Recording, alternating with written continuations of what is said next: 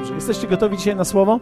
Pasy zapięte, nikt nie siedzi z tyłu, jeśli nie musi, siedzimy razem tutaj. Mimo, że i tak jest ciepło dzisiaj tutaj, więc nie trzeba siedzieć bliżej, żeby być, czuć cieplej, ale lepiej jest być bliżej.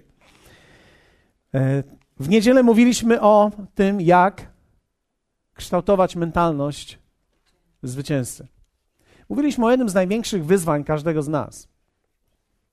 Mówiliśmy o tym, że tak naprawdę zwycięstwo to jest takie amerykańskie że zwycięstwo bardzo rzadko kojarzy się z Polską.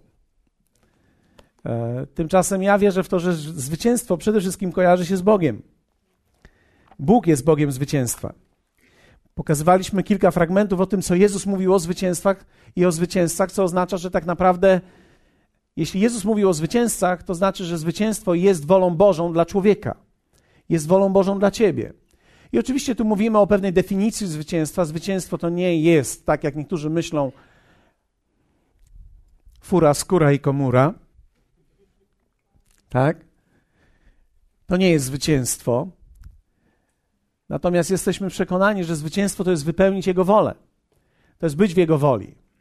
Częścią Jego woli jest zaopatrzenie, ale to wcale nie oznacza, że kiedy ktoś ma zaopatrzenie, jest w Jego woli to oznacza, że sobie radzi. Amen? Powiedzmy razem, radzi sobie. Dobrze jest sobie radzić, ale dobrze jest też umieć odnaleźć wolę Bożą. Źle jest, kiedy ktoś myśli, że gdy nic nie ma i sobie nie radzi, jest w woli Bożej. Może być w woli Bożej w danym momencie, ale musi również umieć sobie poradzić, gdyż bycie w woli Bożej nie zapewnia od razu nam zaopatrzenia. Dziękuję Wam za entuzjazm. No takie małe myśli. Niektórzy z Was będą myśleli o tym później i dłużej. Ale spójrzmy, objawienia 2.7. Ja przeczytam parę fragmentów. Zwycięzcy dam spożywać z drzewa życia, które jest w raju Bożym. Dalej mówi, zwycięzca nie dozna szkody od drugiej śmierci. Mówiliśmy o tym, czym jest druga śmierć. W objawienia 3.5 zwycięzca zostanie przyobleczony w szaty białe i nie wymarzę imienia Jego z księgi życia i wyznam imię Jego przed moim Ojcem. Inaczej mówiąc, będę dumny ze zwycięzcy w objawienia 3:12 zwycięzcę uczynię filarem świątyni Boga mojego i już z niej nie wyjdzie. Co stwierdziliśmy, że to niekoniecznie może być pozytywne dla niektórych. Tak, więc zwycięzcę uczynię filarem świątyni Boga mojego i już z niej nie wyjdzie. I wypiszę na, na nim imię Boga mojego i nazwę miasta Boga mojego i tak dalej, i tak dalej. Objawienia 3:21 Zwycięzcy pozwolę zasiąść ze mną na moim tronie jak i ja zwyciężyłem i zasiadłem wraz z Ojcem na Jego tronie. Wiecie, ja jestem przekonany, że możemy wiele o tym mówić. Ja mówiłem o tym niedzielę, ja przypominam parę rzeczy. Jeśli ktoś z Was nie był w niedzielę, a chciałby się dowiedzieć, co było, jak rozpoczęliśmy, warto jest wziąć CD. E, dlaczego o tym mówię? Ponieważ ja jestem przekonany, że tak naprawdę my ciągle musimy mówić o zwyciężaniu i o wierze, ponieważ tak naprawdę żyjemy w tak negatywnym środowisku i wychowaliśmy się w tak jednak na tak negatywnym pokarmie, że wokół nas, wierzcie mi, człowiek nie potrzebuje wielu ludzi, żeby być negatywnym. Czasami wystarczy, że sam posiedzi ze sobą. Czasami nie trzeba wcale wielu ludzi do tego, żeby cię zniechęcić. Wystarczy, że sobie sam posiedzisz i pomyślisz, a teraz pomyślę o prawdzie. I, i, i nagle prawda albo rzeczywistość może bardziej doprowadza cię do jakiegoś stanu takiego odczuwania e, negatywnego, myśli negatywnych, pewnego poczucia porażki. E, czasami tak się zdarza, że kiedy myślimy o naszym życiu, wiecie, to jest bardzo istotne, szczególnie kiedy przekraczasz 30, 40, 50 lat, nie można swojego życia, nie można swojego życia oceniać zawsze tylko z punktu, w którym jesteś. Dlatego, że punkt, w którym jesteś, to nie jest koniec. Twoje życie dalej się rozwija.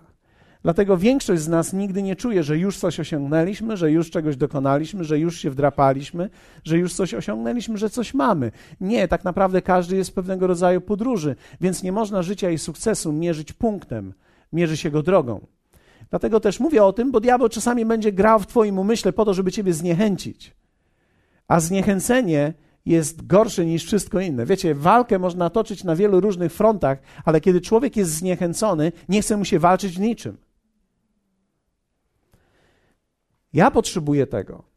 Pastorzy tego potrzebują. Jedną z większych walk, którą my mamy, to jest to, że czujemy się ciągle samotni, ciągle czujemy, jakbyśmy byli sami, i niektórzy myślą, że to jest to jest tylko kwestia tego, że ty się czujesz sam. Nie, ja również się czuję sam. Często przychodzę w poniedziałek. Poniedziałek to jest bardzo ciekawy dzień dla pastorów. My siadamy w naszych biurach i wierzcie mi, większość pastorów ma myśli podważenia w ogóle tego, co robią. Dlatego, że analizują to, co się działo w niedzielę, analizują, kto był, analizują, kto był, to pół biedy, gdy zaczną analizować, kto nie był a gdy są dobrymi pasterzami, zaczynają myśleć, kto nie był i dlaczego nie był, i nie mogą się dowiedzieć dlaczego, więc mają swoje hipotezy, diabeł wtedy zaczyna pracować i zniechęcać ich, i zniechęca również mnie, zniechęca każdego człowieka. Dlatego my potrzebujemy siebie nawzajem, bo nikt z nas nie doszedł, każdy z nas potrzebuje zachęty. Ty potrzebujesz zachęty, ktoś, kto siedzi obok ciebie, potrzebuje zachęty, ja potrzebuję zachęty i zawsze ją będziemy potrzebowali.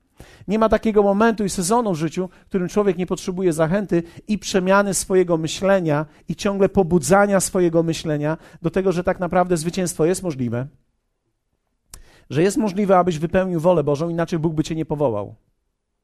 Bóg nie kazałby ci zaczynać biegu, gdyby wiedział, że nie skończysz. Bóg, jeśli powiedział, żebyś rozpoczął, gdy zrodził ciebie, to On zrodził ciebie ze swojego nasienia nieskazitelnego, abyś dokończył biegu i abyś doszedł. Powiedzieliśmy, w jaki sposób kształtować mentalność zwycięzcy. Ja tylko powtórzę, to jest wiara, bo wszystko, co się narodziło z, Boga, zwycięża świat, a tym, co zwycięża świat, jest, powiedzmy razem, wiara nasza.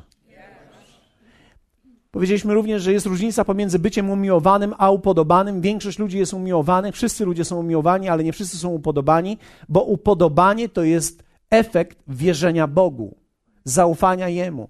I mówiliśmy o tej grze mentalnej, o tym, że tak naprawdę co to jest wiara? To jest umieścić Jego słowo powyżej mojej własnej opinii.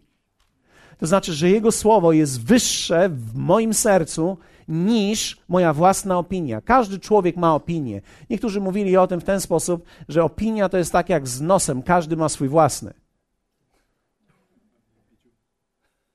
A w niej dwie dziury.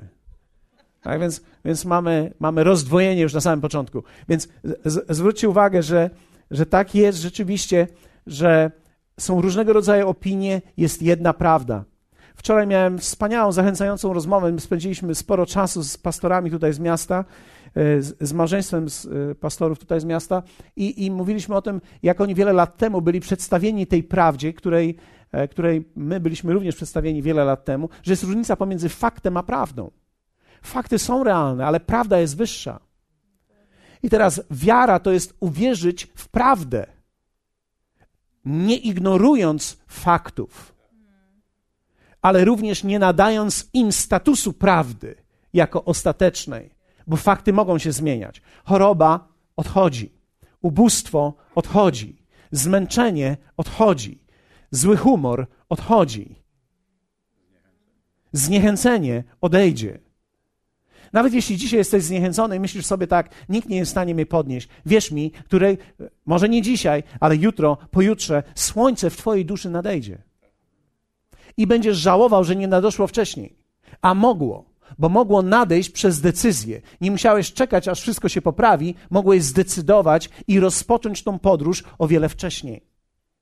Dlatego, że jedną rzecz, którą diabeł próbuje zrobić i będzie robił cały czas, to jest próbuje zabić Twój czas. On wie o tym, że każdy z nas na Ziemi ma tutaj ograniczoną ilość czasu, więc on będzie chciał, żebyś zmarnował jeden dzień, jedną godzinę, parę godzin, parę dni, miesiąc, tydzień, lata, abyś zmarnował je, dlatego że kiedy je zmarnujesz, poszukując i w zasadzie niczego nie znajdując, on zabił coś najcenniejszego, co miał, co miałeś. To jest czas. Dlatego w Bogu wiara jest dzisiaj i możemy rozpocząć od tego. Powiedzieliśmy, że tym, co tak naprawdę jest potrzebne do kształtowania mentalności zwycięstwa, są również relacje. Dlaczego relacje? Dlatego, że zgodnie z listem do Rzymian wiara jest ze słuchania. To znaczy, że teraz wszyscy ludzie wokół ciebie, którzy są, nie musisz mieć ich wielu, ale każdy coś mówi. I twoja wiara rodzi się z tego, co ty słyszysz. I ty wracasz do domu. My wszyscy przyszliśmy dzisiaj z pracy, z domu, z różnych środowisk i każdy z nas słuchał czegoś. Większość z nas słuchała czegoś, co jest absolutnie inne niż Słowo Boże. Słuchaliśmy różnego rodzaju faktów, zniechęcających tekstów, kłótni, czasami różnego rodzaju rzeczy, które się działy w pracy. Słuchamy o różnego rodzaju kryzysach, o tych prawdziwych i tych nieprawdziwych. I wiecie, relacje tak naprawdę wpływają na nas. Mówiliśmy o tym, że Twoje relacje są tak naprawdę obrazem Twojej przyszłości. Jest tak ważne, z kim jesteś. I oczywiście powiedzieliśmy sobie, tu nie chodzi o to, żebyś poszedł do domu teraz i powiedział tak, żegnam was wszystkich, rezygnuję z was wszystkich. Bo są to relacje, z których nie możesz zrezygnować. To jest twój własny dom. Ale będziesz musiał coś zrobić nawet we własnym domu, żeby to wszystko, o czym mówimy dzisiaj, miało sens dla ciebie. A więc pierwsze to było co? Drugie? I trzecie dzisiaj to jest to, czym się zajmiemy przez chwilę. Mamy 38 minut. Jeśli pozwolicie mi i wejdziemy razem w to. Wiecie, ja, ja jedną rzecz kocham, jeśli chodzi o słowo. Kocham, kiedy wchodzimy w nie razem. Jednej rzeczy nie lubię. To jest, kiedy mówię do ludzi, którzy nie są zainteresowani. Ale wy jesteście dzisiaj zainteresowani. Pokonaliście śniegi, pokonaliście deszcze, pokonaliście kałuże i te wszystkie różne jeziora, które trzeba pokonać i, i, i te rzeki, które trzeba pokonać, zanim się tutaj dojdzie. Pokonaliście to, więc jesteśmy we właściwej grupie, tak? Ta trzecia rzecz to jest ochrona. Ochrona. Musisz umieć chronić to, co Bóg umieścił już wewnątrz ciebie. Dlaczego o tym mówię? Ponieważ każdy z nas zaczyna jako zwycięzca. Kto z Was pamięta dzień, w którym się nawróciłeś?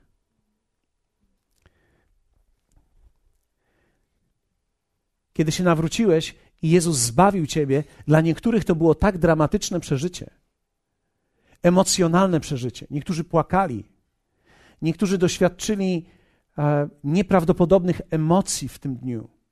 I to nie były emocje przegranego, to były emocje zwycięzcy. To były emocje. Ty zacząłeś jako zwycięzca. Jezus ciebie zbawił. Jezus ciebie odnalazł. Jezus ciebie odkrył. Ja pamiętam ten dzień, Waldek, kiedy ty się nawróciłeś.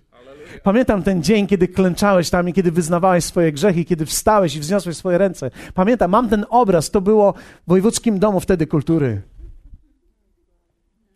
Kiedy jeszcze za tych czasów, kiedy byliśmy województwem. Wstał wtedy, podniósł swoje ręce i był zbawiony. Pamiętam te emocje.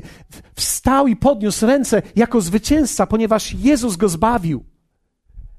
Ciebie również. I ponieważ Jezus zbawił nas i w tym momencie włożył w nas i umieścił to DNA zwycięzcy, nagle wiele elementów życia zaczęły mieć nadzieję. Zacząłeś mieć nadzieję na przyszłość, zacząłeś mieć nadzieję na niebo, realną nadzieję na niebo i zacząłeś mieć realną nadzieję na życie. Pomału zacząłeś odkrywać, że Bóg ma dla ciebie wspaniały plan i że On ma dla ciebie wspaniałe życie. I teraz, ponieważ zacząłeś jako zwycięzca, będziesz musiał to chronić. Wszędzie, gdzie jest wartość, zobaczycie ochronę. Wchodząc do banku, zobaczysz ochronę. Wiecie, tam, gdzie nie ma nic wartościowego, nie trzeba nic chronić. Problem jest taki, że wielu wierzących ludzi, których spotkałem, to są ludzie, którzy nie zdają sobie sprawy z tego, jak cenne rzeczy posiedli, dlatego nie chronią niczego, co mają nie ochraniają tych rzeczy, które są istotne. Po prostu żyją tak jakby bez ochrony. Tymczasem, kiedy, kiedy patrzysz na ten świat zewnętrzny, wszędzie, gdzie jest wartość, tam znajdziesz ochronę. Wchodząc do dobrego hotelu, ochrona. Zobaczysz ważnych ludzi, ochrona. Jeśli nie będziesz chronił tego, co masz w sobie, to ludzie, okoliczności i Twoje własne myśli okradną Cię ze zwycięstwa. Pamiętam któregoś dnia stałem i Bóg pokazał mi ten przykład. Stałem i ponieważ mieliśmy remont, w zasadzie nie remont, ale budowaliśmy ten dom i, i w garażu od, odsunąłem bramę garażową i zacząłem zamiatać. Jedna rzecz, której się nigdy nie powinno robić, to jest kiedy wieje wiatr, nie zamiataj garażu przy otwartej bramie. Za każdym razem, kiedy próbowałem wymieść, wiecie, na trawę te wszystkie śmieci, ten kurz, on z powrotem zbijał się w górę i wracał z powrotem do mojego garażu. To jest, to jest właśnie takie życie bez ochrony. Próbujesz coś ze swojego życia wyrzucić, ale z powodu tego, że robisz to w niewłaściwy sposób, wszystko wraca do ciebie. Te wszystkie śmieci wracają. I to jeszcze wracają spotęgowane. Nie da się zamiatać garażu przy otwartej bramie. Wiecie, niektórzy ludzie niczego nie ochraniają. Zastanawiam się, zastanów się, jaka jest Twoja ochrona dzisiaj? I teraz, kiedy będę mówił o tych rzeczach, w jaki sposób chronimy mentalność zwycięstwa i to, co Jezus włożył w nas. Bo widzisz, tu nie chodzi tylko o to, żebyś w siebie włożył teraz mentalność zwycięstwa, ale żebyś umiał ochronić tą, którą już Bóg dał Tobie. Za każdym razem, kiedy spotykasz się z Bogiem, za każdym razem będziesz odczuwał, że jest nadzieja i jest zwycięstwo dla Ciebie. W różnych dziedzinach, w Twojej pracy, w Twoim małżeństwie, Wiecie, ja wiem, że nikt z Was teraz nie powstanie i nie będzie wiwatował na to, co teraz powiem, ale to jest prawdą. Bóg zaplanował, żebyś zwyciężył w każdej dziedzinie. Żebyś zwyciężył w swoim małżeństwie. Żebyś zwyciężył ze swoimi dziećmi. To znaczy, żeby one poszły za Panem. To jest Boża wola. To jest Boża wola, żebyś miał wszystkiego, co potrzebujesz w danym momencie. Żebyś widział cuda w swoim życiu. To jest Jego wola. To jest Jego wola, abyś w chwili kryzysu znalazł odpowiedź i łaskę i przychylność, i abyś w chwili trudnej był w stanie rozpoznać Jego głos. I On wyprowadzi Ciebie swoim głosem z tego miejsca, w którym jesteś. Nie zawsze przyjdzie i nie wszystko zmieni od razu, ale On pośle Ci głos i ten głos pociągnie Ciebie i wyprowadzi Ciebie. I On da Ci instrukcję, i On da Ci właściwe słowo, i On Ci da właściwych ludzi, czasami różnych ludzi. Czasami ludzi z zewnątrz, czasami ludzi spoza kościoła, czasami ludzi z Twojej rodziny, czasami innych ludzi, którzy być może staną się Twoimi przyjaciółmi. On da Ci, bo On zaopatrzy Ciebie tym. To jest Jego wola, abyś osiągnął wszystko to, co On zaplanował dla Ciebie. Więc w jaki sposób ochraniać mentalność zwycięstwa? Podam Wam rzeczy, które ja robię. Można zrobić z nich 30, można z nich zrobić 500. Ja Wam podam trzy, bo ja tylko tyle umiem i tylko do tylu liczę. I to już wiadomo jest. Dla większości z Was jest to wiadome. Ale powiem Wam o rzeczach, które ja robię, do których musiałem podejść bardzo poważnie, dlatego że wydaje mi się, i będę z Wami bardzo szczery, przez pierwsze lata mojego pastorowania zmagałem się z rzeczami, którymi nie musiałem się zmagać, ale tylko dlatego, że nie robiłem tego, o czym dzisiaj Wam powiem. Więc kiedy patrzę dzisiaj na życie wielu chrześcijan, zastanawiam się, jak oni sobie radzą, skoro nie robią tego, co ja musiałem w końcu zacząć robić, żeby ochraniać siebie. Bo bez ochrony nie jesteś w stanie funkcjonować. Pierwsza rzecz to jest codzienny czas z Bogiem. Nic tak nie ochrania mentalności zwycięzca, zwycięstwa, jak codzienny czas z Bogiem. Codzienny czas z Bogiem. Bez codziennego czasu nie jestem w stanie żyć wiarą stabilnie. Dlatego, że to właśnie modlitwa i bycie z Nim wprowadza mnie w łączenie naturalnego i ponadnaturalnego w moim życiu. Wiecie, że czy ktoś z Was miał takie momenty, że myślisz sobie, człowiek żyje naturalnie albo chce czasami wpaść ponadnaturalne? Chcemy cuda jakiegoś. Albo czasami jak mamy uwielbienie, tak jak w tą niedzielę, gdy było uwielbienie, kto z Was, kto z was przeżył tą, w tą niedzielę uwielbienie? Ja wam powiem szczerze, ja, ja pomyślałem sobie, ja nie chcę wychodzić, głosić. Ja tam stałem, płakałem, ja, łzy mi leciały, pomyślałem sobie, ja nie dam rady głosić. Była taka obecność Boża. No ale wiecie, musiałem umieć oddzielić moje własne emocje od woli Bożej. Dlatego to, że ja nie chcę głosić, wcale nie oznacza, że Bóg nie chciał, żebym głosił. Ale my chcemy tego typu chwile. Ja bym chciał się zagubić w tej chwili, zapomnieć i zniknąć wtedy. Ja bym chciał być jak Henoch. Wejdę w taką chwilę i zniknąć. Ale takie chwile nie są częste. Nie za każdym razem na uwielbieniu płaczę. Czasami jestem zestresowany, czasami podirytowany. Czasami, kiedy tam stoję, słyszę, jak dzieci mówią i rozmawiają. Patrzę, jak rodzice stoją obok nich dwa metry i zastanawiam się, na ich miejscu dawno szczeliłbym ich w głowę. Ale oni tego nie robią. Dlaczego tego nie robią? No są nowoczesnymi rodzicami, rozumiecie? Ja to rozumiem. Są nowocześni. Dziecko zaraz będzie miało wąsy i dalej nie wie o co chodzi, kiedy stoi. Nie rozumiem tego. Pomyślałem sobie, to już nawet w religii jest łatwiej, bo przynajmniej można kopnąć dziecko, żeby było cicho. Ale my żyjemy w jakiejś cudotwórczej wolności i nie mamy pojęcia, co robimy. Czasami nie wiemy o tym, że nie pokazując dzieciom szacunku tak naprawdę. I wiecie, ja to wszystko rozumiem, ja, ja to wiem, ja, ja, ja nie mogę wtedy uwielbiać. Ja stoję, próbuję wielbić i myślę sobie, Jezu, tracimy pokolenie, ja chyba umrę. Mam takie chwile. Mam takie chwile, gdzie jestem zapomniany i jestem całkowicie w, w cudzysłowie, w pewnym odlocie Bożym, a czasami myślę sobie tak, Jezu, zabiłbym ich wszystkich. I rodziców, i dzieci. Ja wiem, że nikt z was nie ma takich odczuć. Ktoś z was ma takie odczucia czasami? O, znalazłem kogoś, kto ma. Ach, nie, oczywiście. To są tylko emocje. Ale wam mówię o tym, co się dzieje w sercu człowieka, który powinien wielbić Pana, tak? Czasami patrzysz, wiecie, są różne rzeczy i, i, to, i to są chwile. Tymczasem są pewne rzeczy, które, na które ja czekać nie mogę i nikt czekać nie może. To jest, jeśli ty nie przyjdziesz do Boga i nie zaczniesz łączyć w swoim codziennym czasie tego ponadnaturalnego i naturalnego, to tak naprawdę nigdy nie będziesz człowiekiem, który będzie w stanie osłonić swoje zwycięstwo. Będziesz człowiekiem, który je rozda. Nieświadomie. Zwróćcie uwagę, Jezus mówi o glebie i o tym, że ziarno zostało zasiane i o tym, że przychodzą ptaki i że przychodzi złodziej i że zabierają to ziarno. Można je zabrać, gdy nie jest chronione.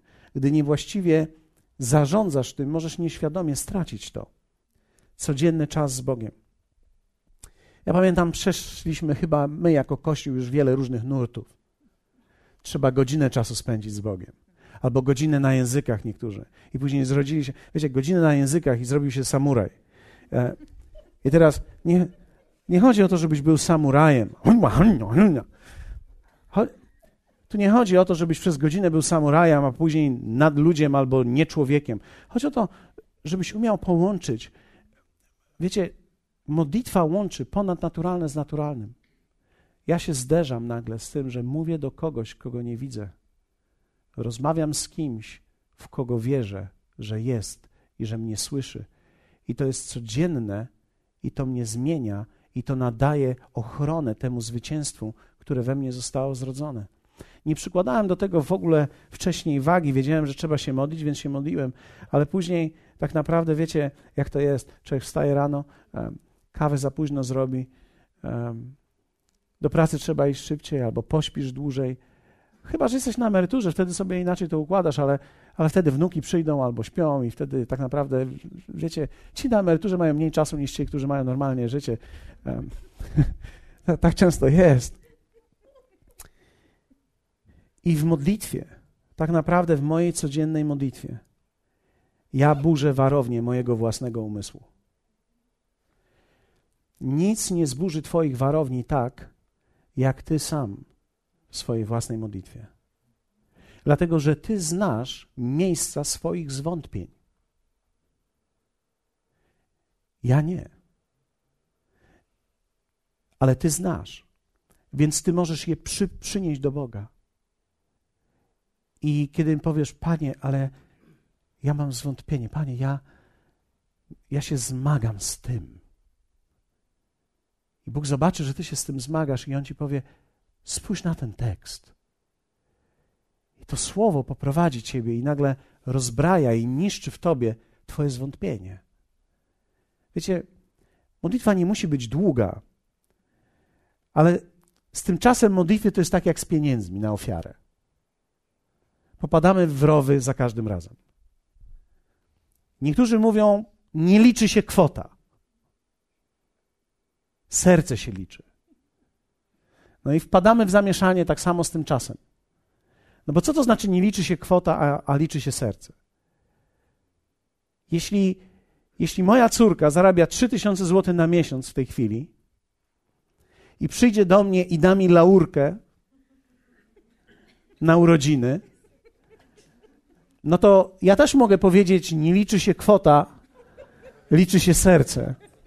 A później patrzy, jak idzie do kazara i kupuje sobie torebkę za 890 zł, bo mówi, będzie mi pasowała, to ja myślę sobie, że coś jest nie tak. Jestem normalny ojciec? Normalny jestem. Pomówcie mi, dobrze? Bo ja nie wiem czasami. Potrzebuję waszej opinii również. Więc, więc my popadamy w to, że kwota się nie liczy, a jednak się liczy.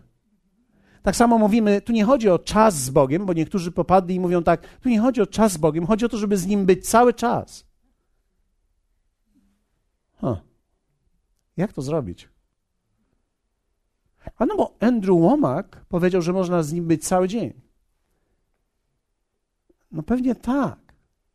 Ale widzisz, Andrew w 67 tego doświadczył, jak był na wojnie w Wietnamie, siedział w bunkrze i miał 10 godzin czasu, żeby tam być z Panem. Lepiej, że z nim był.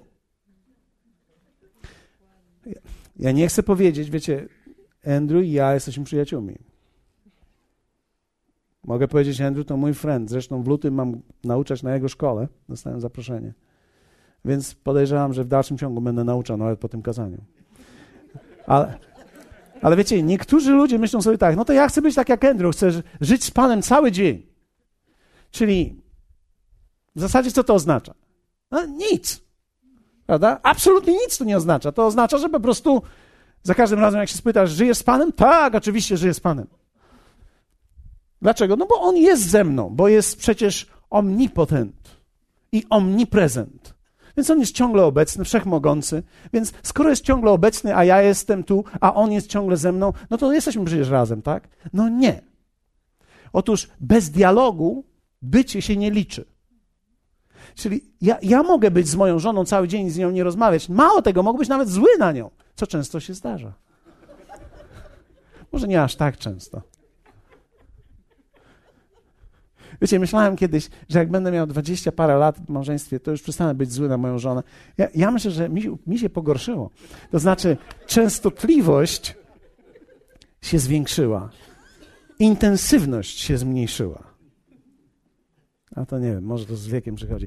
Pytałem, pytałem ludzi, którzy są 15 lat do przodu przede mną, oni dalej mają ten problem. Sobie, kiedy człowiek z tego wyjdzie, nie wiem. Ale wiecie, chyba nie chodzi o to, żeby człowiek był doskonały, tak? Ale do wszelkiego dzieła zdolny. Więc, więc ja mogę być nawet z moją żoną, ale jeśli z nią nie rozmawiam i jeśli nie dzielimy się sercem, to nie mamy tak naprawdę, między nami nie ma komunikacji. My nie wiemy. Prawdziwa relacja to jest umiejętność dzielenia się tym, co jest głęboko we mnie, a nie bycie razem. To jest za mało.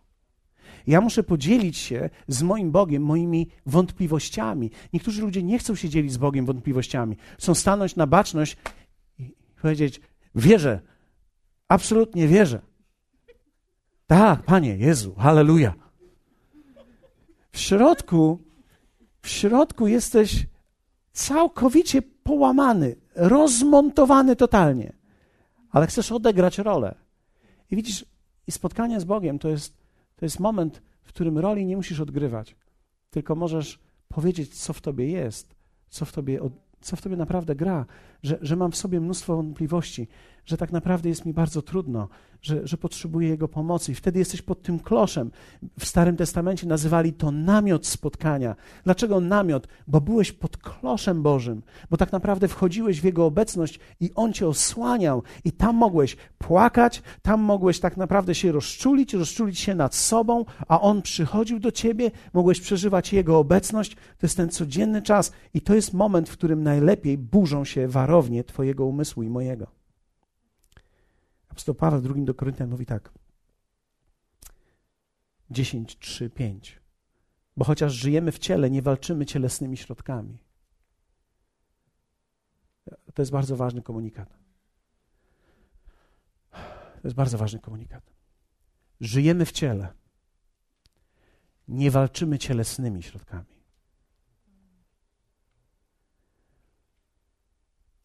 Żyjemy w ciele myślimy logicznie, ale to jest za mało.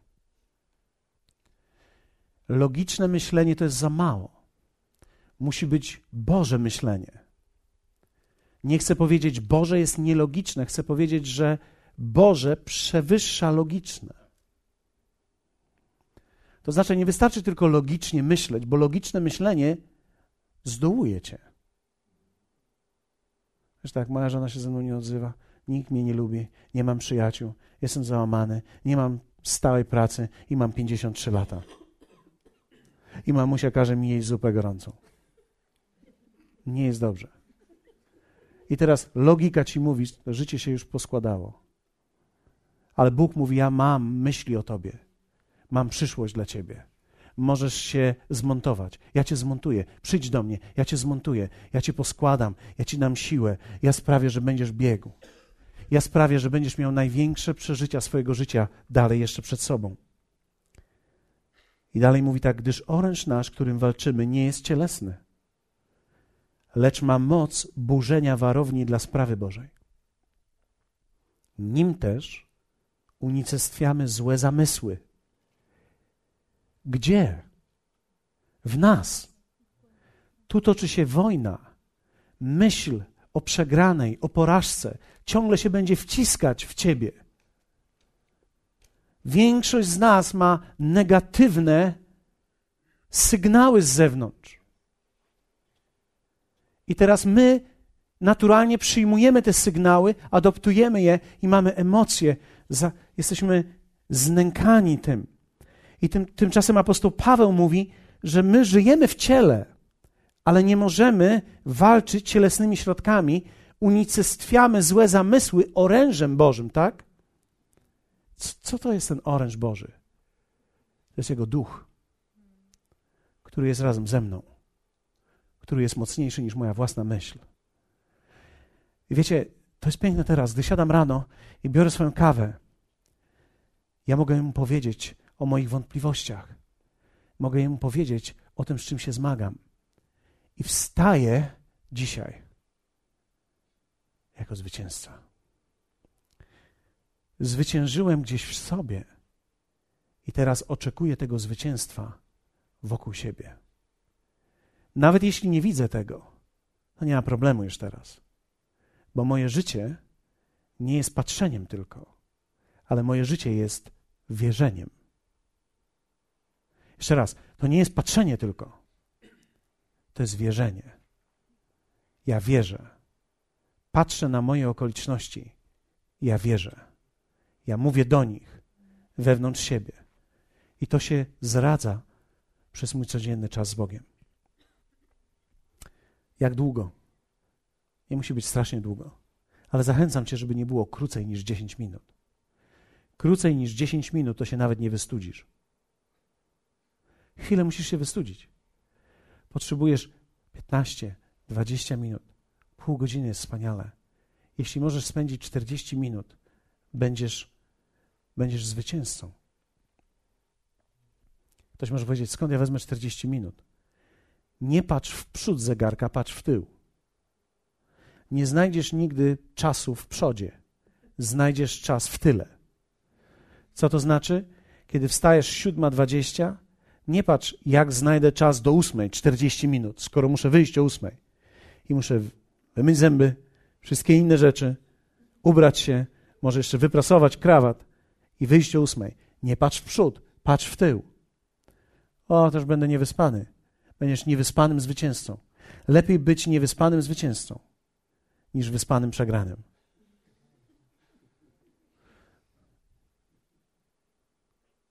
Wierzcie mi, niektórzy myślą, że potrzebują jeszcze godziny snu. Nie potrzebują. A jeśli naprawdę myślisz poważnie, połóż się trochę wcześniej. Nie się przed telewizorem jak papuga. Bo to cię wymęczy. Niektórzy próbują, wiecie, na wszystko, usypiają. Że... Wwiją się jak witki w tych fotelach i zagaś to. Zagaś na przytomnie nie na nieprzytomnie. Parę minut wcześniej. To właśnie w mojej modlitwie dokonuje się moje poddanie. Uznanie Jezusa Panem, Jego słowa. Wywyższam Jego słowo nad moją własną opinią. Tam staję twarzą w twarz z moimi wątpliwościami, moimi trudnościami. Moje zmaganie, moje zrozumienie i w końcu moje poddanie ma miejsce. Tam się rodzi moja radość. Kiedy patrzymy na Jezusa, mamy Marka 1,35, A wczesnym rankiem przed świtem wstał, wyszedł i udał się na puste miejsce i tam się modlił. Wiecie, tak pomyślałem sobie. W zasadzie, jeśli ktoś mógłby nie modlić się w życiu, to powinien być Jezus. Jesteś synem Bożym. Właśnie przyszedłeś z nieba. Spędziłeś tam wieczność w tamtą stronę. Wieczność w tył. Powinieneś być tak już naładowany wszystkim, że nie, nie potrzebujesz żadnej modlitwy. Tymczasem Jezus wstawał wcześniej, żeby się modlić. I wielokrotnie czytamy, że odchodził od ludzi na puste miejsce i tam się modlił. Wczesnym rankiem, przed świtem stał i wyszedł i udał się na puste miejsce i tam się modlił. Umysł i mentalność zwycięzcy są kształtowane i chronione w codziennej modlitwie i czasie z Bogiem. Ktoś może powiedzieć, ale to jest bardzo trudne. Tak, bo zwycięstwo nie jest proste. Wszyscy ludzie, którzy próbują zwyciężyć, gwarantuję wam na wszystkich, na wszystkich tych sieciówkach, na wszystkich, we wszystkich firmach, na których e, tak naprawdę żyje się z motywacji, powiedzą wam słuchać płyt, czytać książek. Dobrze. A to jest, to jest w porządku dla człowieka, który pracuje w firmie motywacyjnej. Ale jeśli jesteś wierzący, potrzebujesz modlitwy i spędzić czas z Bogiem, bo od tego zależy Twoje życie. Ja jeszcze nie spotkałem wierzącego, który ma zwycięstwo bez tego czasu z Bogiem. A za każdym razem, kiedy patrzę na ludzi i rozmawiam z nimi, to tak między wierszami widzę, ci, którzy mają porażkę, że nie mają regularnego czasu z Bogiem. Bardzo często ci ludzie żyją tak, no już dawno nie miałem. I to nie dotyczy tylko ludzi normalnie, ale również i nas, pastorów, dlatego że my możemy być tak bardzo zajęci życiem dla Pana, że nie spędzamy w ogóle czasu z Panem. Że my jakby non-stop w robocie jesteśmy. Ale nie jesteśmy z tym, który nas powołał. Moja pierwsza służba jest bycie z Nim. Może nie wiesz, ale ja modlę się o Ciebie. Biorę listę, biorę nowych ludzi, którzy się niedawno nawrócili i modlę się. Niektórych nawet nazwisk nie znam. I modlę się, Panie, wzmocnij ją. Wzmocnij ją. Wzmocnij tego. A ta nie wiem, jak się nazywa, ale Panie, ona była. Wzmocnij ją. Daj jej siłę. Dlaczego? Bo wiem, że ci ludzie się nie modlą. I oni potrzebują wzmocnienia, aż zaczną się modlić. Ale nie możesz długo przetrwać na respiratorze. Respirator nie daje życia. On podtrzymuje życie. Ty musisz sam zacząć oddychać. Modlitwa jest oddechem. Spróbuj nie oddychać teraz przez 10 minut. Nie da się. Musisz oddychać. Bez codziennej modlitwy nie jestem chroniony. Nic nie chroni mojego umysłu. Wczoraj rano wstałem i wiedziałem o kilku rzeczach, które mają się wydarzyć, i o kilku rzeczach wiedziałem, że potrzebuję Jego słowa. Każdego dnia rano daje mi jakiś fragment słowa albo jakiś werset i chodzę z nim przez cały dzień. Wiecie, to jest jedna z największych manifestacji Boga. Większa nawet niż cuda, które czasami można oglądać. Jedna rzecz, którą Jezus obiecał w duchu, to jest to, że On cię nigdy nie opuści i da ci słowo. W czasie, który potrzebujesz. I to jest czas, który ja potrzebuję. Kto z Was słyszy świeże słowo od Ducha Świętego sam na sam? Wtedy jesteś szczęśliwy. Wiesz, jakie decyzje masz podjąć. Nie jesteś ślepy. Nie jesteś w kryzysie. Nawet jak jesteś w kryzysie, to idziesz przez ciemną dolinę, ale zła się nie ulękniesz, boś ty ze mną. Wiecie, niektórzy ludzie, wszyscy przejdą przez ciemną dolinę z pełnymi spodniami.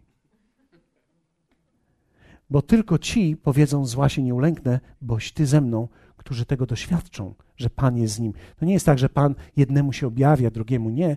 Pan będzie z tobą, gdy ty przybliżysz się do Niego i znajdziesz czas na to, żeby być z Nim. Ktoś może powiedzieć, ale teraz mamy dużo pracy, mam, mam dzieci, mam dwójkę dzieci. Obudź się. Obudź się. Otrzeźwiej. Wmawiasz sobie, że jesteś zapracowany. Wmawiasz sobie, że masz dzieci. Ja mam przecież dzieci. Wmawiasz sobie. Wmawiasz sobie. Jestem tak zakręcony, że nie wiem, na, czy żyję na księżycu, czy na ziemi. Wmawiasz sobie to. Uporządkuj parę rzeczy. Proszę cię, nie wmów sobie tych rzeczy. Gdy sobie pozwolisz wmówić diabłu, że jesteś zajęty, to cię utrzyma do końca życia zajętym. W porażce. Wiesz, kleił porażkę z jednej strony i z drugiej strony.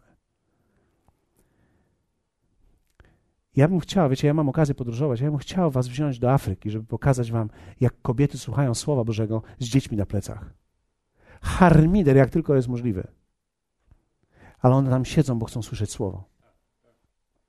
Siedzą w błocie, idą kilometrami. Ale dzisiaj tak czuję, taki, taki, tak czuję, naprawdę czuję. Czuję, czuję dzisiaj to ciśnienie, czuję naprawdę, ciśnienie czuję. Obudź się, proszę cię. Nie słuchaj tych kłamców z pogodynki. Biometr niekorzystny. Biometr niekorzystny. A dzisiaj korzystny. I, I zdziwiłeś się kiedyś, że kiedy miałeś biometr korzystny w dalszym ciągu, to ci nie poprawiło humoru, tylko tak poczułeś się zobligowany, żeby teraz mieć humor? Bo to nie zależy od biometru tak naprawdę. Oczywiście, że to wpływa na nasz organizm, ale nie musi wpływać na Twojego ducha i na Twój umysł i na Twoje decyzje. Możesz żyć ponad tym. Są pewne rzeczy, ponad którymi możemy żyć. Można pokonać te rzeczy. Ok, drugie. Mam 7 minut, więc to się rozprawię z tym, bo to łatwe jest i proste. Te drugi i trzeci punkt to w zasadzie wszyscy wiecie, więc to moglibyśmy pójść do domu, ale tylko wspomnę o tym. Co chroni moje, moje zwycięstwo we mnie? Właściwe rozmowy. O, to jest proste, przecież wszyscy wiecie o tym. Ale ludzie mówią dzisiaj o wszystkim i często to jest jak wymiana tego, co mamy w naszych pojemnikach na odpady. Wiecie, wierzcie mi. A szczególnie, posłuchajcie mnie, szczególnie jeśli jesteś osobą, która lubi dużo mówić. Biblia łączy wielomóstwo z mówieniem złym. Dlaczego? Bo kiedy człowiek dużo mówi, mało weryfikuje tego, co mówi. I, I my słuchamy tego, i ty słuchasz tego. Więc wiecie, ja jestem człowiekiem, który dużo mówi. Prawdopodobnie. Nie wiem. Tak mi się wydaje. Przynajmniej wy pewnie myślicie, ten człowiek non-stop mówi. Ma problem, żeby się streścić, więc on dużo mówi. Nie jest aż tak ze mną. Znam gorszych. Takich, którzy siedzą na spotkaniach cicho, ale jak się włączą, to dużo mówią. Są ludzie, którzy mówią dużo. Ale 1 Piotra 4:11 czytamy taki tekst. Jeśli kto mówi, niech mówi jak Słowo Boże. Jejku. Jak ja teraz mam to zrobić?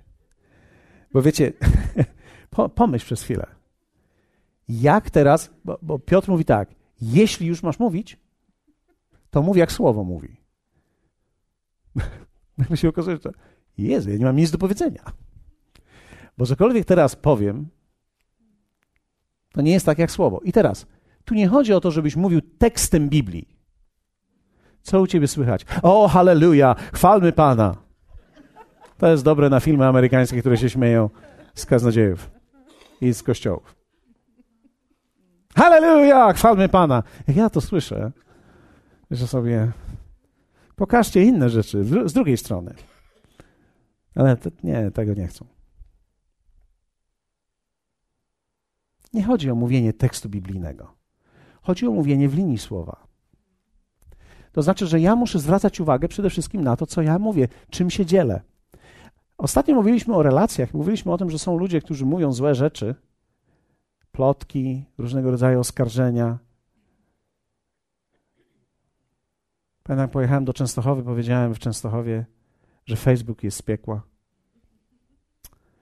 Pewnie nie jest z piekła, no. Ale wszystko możesz tam znaleźć. Trochę nieba i trochę piekła. W zależności od tego, kto do czego co używa. Ale rzeczywiście tak jest, że musimy uważać na to, co mówimy, właściwe rozmowy. Wiecie, nawet właściwi ludzie w naszym życiu mogą źle mówić. Wcale nie trzeba złych ludzi w naszym życiu, żeby mówili źle. Może być człowiek, który jest powołany przez Boga do mojego życia i możemy się zaplątać w złą rozmowę. Mało tego, on może powiedzieć do mnie złą rzecz. Pamiętacie, jak apostoł Piotr powiedział do Jezusa: Oj, panie, nie przyjdzie to na ciebie. Nawet, nawet właściwy człowiek na właściwym miejscu może się zapędzić i źle powiedzieć. Każdemu się to zdarza. Możecie zadać słuszne pytanie: czy tobie się zdarza źle mówić? Ho, kilka razy na dzień. Kilka razy na dzień łapię się na tym, że prawie jeżdżę malkontentem. Chodzę i myślę, no teraz to i, i to i, i tamto. I wie, wiecie, ja zaczynam już to słyszeć. E, zaczynam, zastanawiam się. I, I wtedy cieszę się, jak nie ma nikogo, kto to pod, pod, pod, podchwy, podchwyci, żeby być drugim głosem w chórze. Bo najgorsze to są chóry, wiecie, już wtedy. Kiedy drugi powie, a rzeczywiście, i, i jedziemy teraz. A trzeci się dołączy i powie, o no właśnie, mam potwierdzenie na to i, o, i teraz, no to co w takim razie z tym? No nic, ciężko, źle, trudno, fatalnie, idziemy w dół, halleluja. Właściwe rozmowy. W pierwszym Koryntian apostoł Paweł mówi tak: Nie błądźcie, nie błądźcie. Dokładnie ten tekst w greckim mówi: Nie dajcie się zwieść. 1 Koryntian 15:33. Nie macie tego jeszcze? Otwieramy Biblię. Nie błądźcie. Dwie minuty. Zobaczcie. Złe rozmowy psują dobre obyczaje. Dokładnie ten tekst mówi tak: bezwartościowa, wykrzywiona, zainfekowana komunikacja psuje dobre nawyki albo właściwy porządek. Czyli ja rozmowami mogę okradać ludzi i okradać siebie. Mogę sam siebie okraść z radości, którą Bóg ma dla mnie. Wystarczy tylko, że pogadam z kimś źle. Ktoś z Was ma przyjaciół, którzy chętnie z Wami źle rozmawiają? Może się tak zdarzyć. Więc właściwe rozmowy. Ja, ja, dzisiaj nie chcę powiedzieć, skończymy z tymi rozmowami, bo tak to się nie da skończyć, ale musisz zacząć zwracać uwagę na to, co mówisz i w którą stronę zmierza wasza rozmowa. Bo nawet dwoje dobrych ludzi, dobrych wierzących, ludzi wiary, może się zapędzić i, i na końcu powiedzą. Nie, no. Nie dobrze. Co my teraz zrobimy? Ani słowa, ani inspiracji, ani zachęty w tym nie ma wtedy. I ostatnia, trzecia rzecz. Właściwa dyscyplina umysłu. To jest proste przecież. Ja zwróciłem uwagę, że umysł to jest jak, wiecie, e, moja babcia robiła na drutach. Robiła na drutach, robiła na drutach. Nawet do ostatnich lat swoich robiła na drutach, robiła na drutach, robiła na drutach. Nawet nie wiedziała, co robić. Co, pytałem czasami, co robisz? Nie wiem jeszcze, co z tego będzie. Najpiękniejsze robienie na drutach. Nie wiem jeszcze, co z tego będzie. Ona robiła coś na drutach, robiła coś na drutach. A później, jak się to nie spodobało, to brała to i tak pruła to i tak leciała ta nitka i leciała ta nitka i leciała. I te godziny tego takiego majsterkowania na nic się nie przydały. Ze zwycięstwem i z umysłem zwycięzcy jest podobnie. Tkasz coś, tkasz coś, tkasz coś. I później zahaczysz to źle, idziesz do łazienki ciągniesz za sobą tą linkę i sprułeś wszystko, co utkałeś, jeśli nie masz właściwej dyscypliny umysłu. Właściwa dyscyplina umysłu. To, wiecie, dyscyplina umysłu, my nie byliśmy tego uczeni, ale kto z Was e, tak czasami czuje, że tak kolory z białymi pomieszał w swojej głowie? Tak pierzesz po prostu wszystko naraz, myśląc, że a to pewnie nie zajdzie jedno na drugie. Zajdzie i się jeszcze zmachaci. A jeszcze jak podciągniesz temperaturę, to się skurczy i zmniejszy.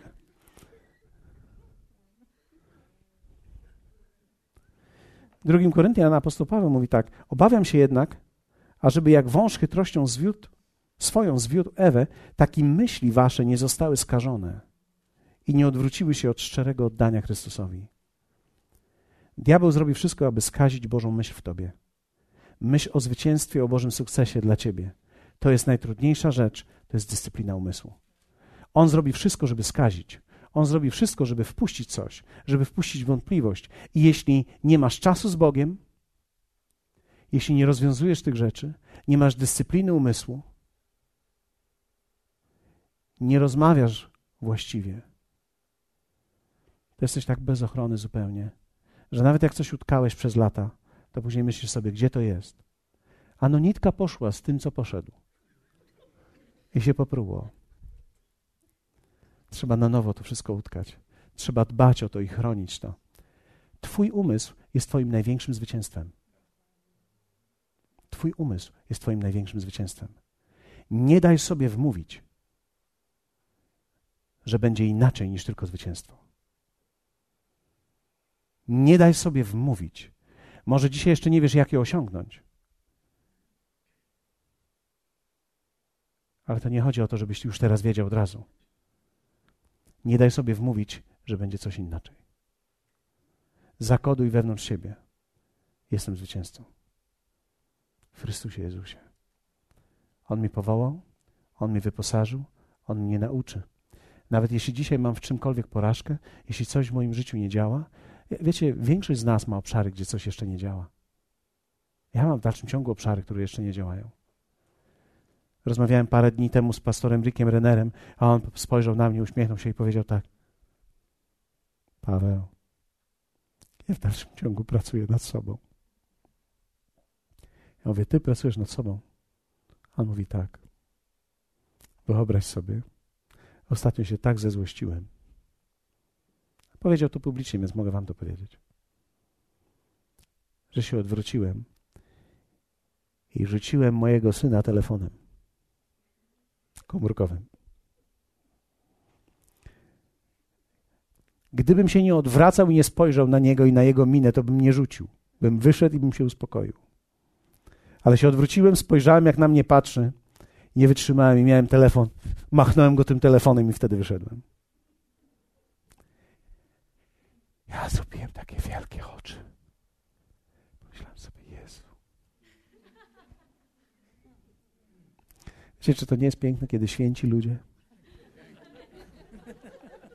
mówią ci, że nie są aż tak święci? Ja dzisiaj nie zbieram amunicji przeciwko Rickowi Rennerowi. A, nie, to daje mi nadzieję. To daje nam wszystkim nadzieję. Że my wszyscy cały czas jesteśmy w procesie, że jesteśmy zwycięzcami, że Bóg nazwał nas. Bóg nas tak określił. I to jest w Jego umyśle. Pomyśl, czy Bóg rozpoczynając tą ziemię mógłby przegrać? Czy wygląda, jakby miał przegrać? Nie. Ci, którzy nie znają słowa, patrzą na świat i wygląda tak, jakby zło się pleniło, a Boga nie ma. Ale kiedy znasz trochę słowo, Bóg od początku do końca był zwycięzcą i będzie zwycięzcą. Ktoś może powiedzieć, a ci biedni ludzie, on do nich dotrze, ma sposoby. Do tych, którzy są szczerzy w sercu, on ich znajdzie. On ich znajdzie. On nie pozwoli, aby ktokolwiek, kto jest szczery w sercu, był zgubiony. On znajdzie go. On zrobi cud i go znajdzie. On przemówi do niego, nawet jak nie będzie nikogo, kto by mógł do niego przemówić, tak jak do apostoła Pawła. On, on będzie mówił sam do niego, jak trzeba będzie, bo on nie jest ograniczony. Od samego początku do końca Bóg jest zwycięzcą i On powołał Ciebie do tego królestwa, które jest niewzruszone i jest królestwem zwycięstwa. Hallelujah. Hallelujah. Powstańmy razem i ogłoś to nad sobą. Powiedz, jestem zwycięzcą w Jezusie Chrystusie.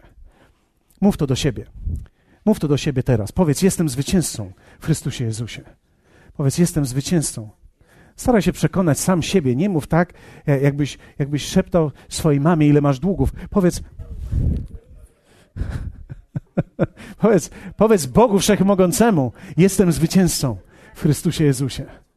Należę do Niego. Hallelujah.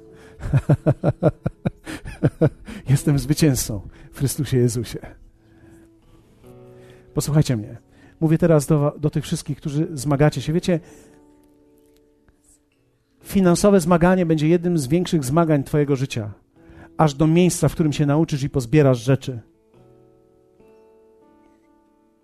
To nie będzie łatwa wojna, ale to będzie wojna, którą można wygrać. Zwyciężysz to, jeśli pójdziesz dalej. W małżeństwie to nie będzie łatwa wojna, to nie będzie bitwa lekka o dom, o małżeństwo, o dzieci, ale zwyciężysz. Jestem przekonany, że wielu mamy tutaj zwycięzców i wielu zwycięzców powstaje. Ja widzę w Tobie zwycięzcę. Halleluja. Powiedz, należę do Pana i jestem zwycięzcą. Zostałem zrodzony z nasienia, które ma w sobie zwycięstwo. Nie zostałem zrodzony z ziemi, zostałem zrodzony z nieba. Niebo jest moim udziałem, niebo jest moją częścią. Ja jestem ambasadorem tutaj na ziemi, aby zaprowadzić Jego królestwo. Ja wyszedłem z nieba, wyszedłem z nieba, wyszedłem jako zwycięzca i powrócę jako zwycięzca. Zanim Ty się urodziłeś, byłeś w Jego myśli, byłeś Jego słowem i On wypowiedział Ciebie i powstałeś, zrodziłeś się na tej ziemi, a On powiedział o swoim słowie, że żadne moje słowo nie powraca do mnie puste, ale wypełnia wszystko, z czym je posłałem.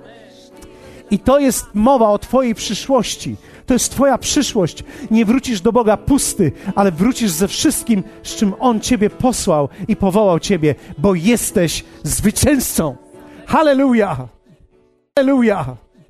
Hallelujah! Hallelujah! Hallelujah!